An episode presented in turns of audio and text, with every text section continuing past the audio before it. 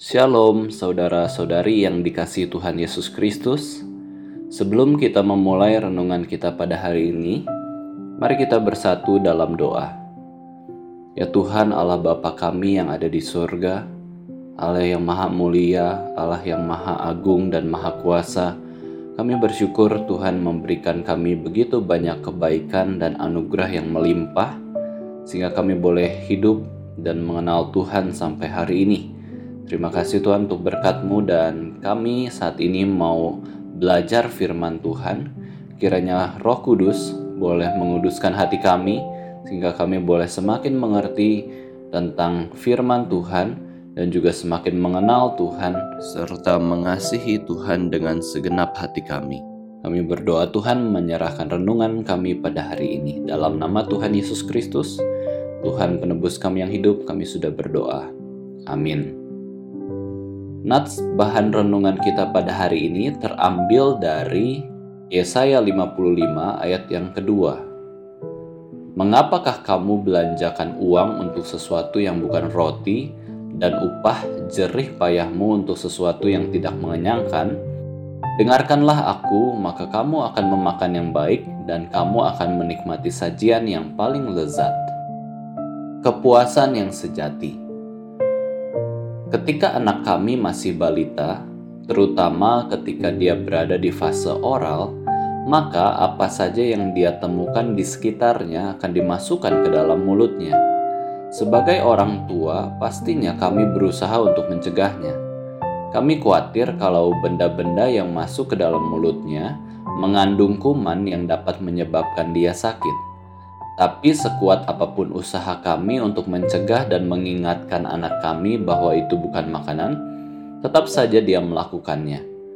Tentu saja semua itu terjadi karena anak kami belum mengerti bahasa atau perintah yang kami maksudkan.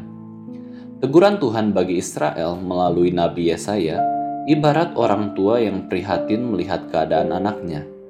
Mereka tidak mau mendengarkan Tuhan, mereka cenderung mengandalkan pemikirannya sendiri, tak menyadari bahwa yang mereka upayakan itu sia-sia belaka. Padahal Tuhan sudah menyediakan segala yang baik bagi umatnya, jika saja mereka mau datang dan menaati perkataannya. Ada pemeliharaan Tuhan hari lepas hari, bahkan janji keselamatan melalui Mesias juga diberikan atas seluruh bumi melalui Israel. Kasih dan pengampunan tersedia bagi setiap orang yang mencarinya. Rancangannya sempurna. Firman-Nya memberi kehidupan dan pertumbuhan. Seharusnya ini menjadi jaminan bagi kehidupan Israel masa kini dan masa mendatang. Sayangnya, umat Israel lebih sering lari dan menjauh dari Tuhan, mengejar apa yang dipandang mereka baik. Pengalaman Israel sering kali juga terjadi dalam kehidupan kita kita mengingini dan mencari hal-hal yang tidak seharusnya mengisi hidup kita. Kita tidak mau mendengar suaranya, kita bekerja dengan kekuatan kita sendiri, kita tidak mau setia. Kita pikir itu tidak berbahaya. Kita sangka itu lebih baik dari Tuhan. Padahal semua itu sama sekali tidak ada artinya, sebab sesungguhnya kepuasan sejati hanya ada di dalam Tuhan Karenanya, mari kita kembali mendengarkan Tuhan. Dia tahu apa yang terbaik bagi kita, jangan abaikan tegurannya.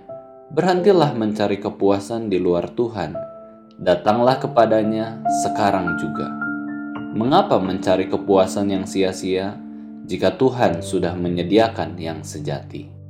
Sekian renungan harian pada hari ini. Tuhan Yesus memberkati.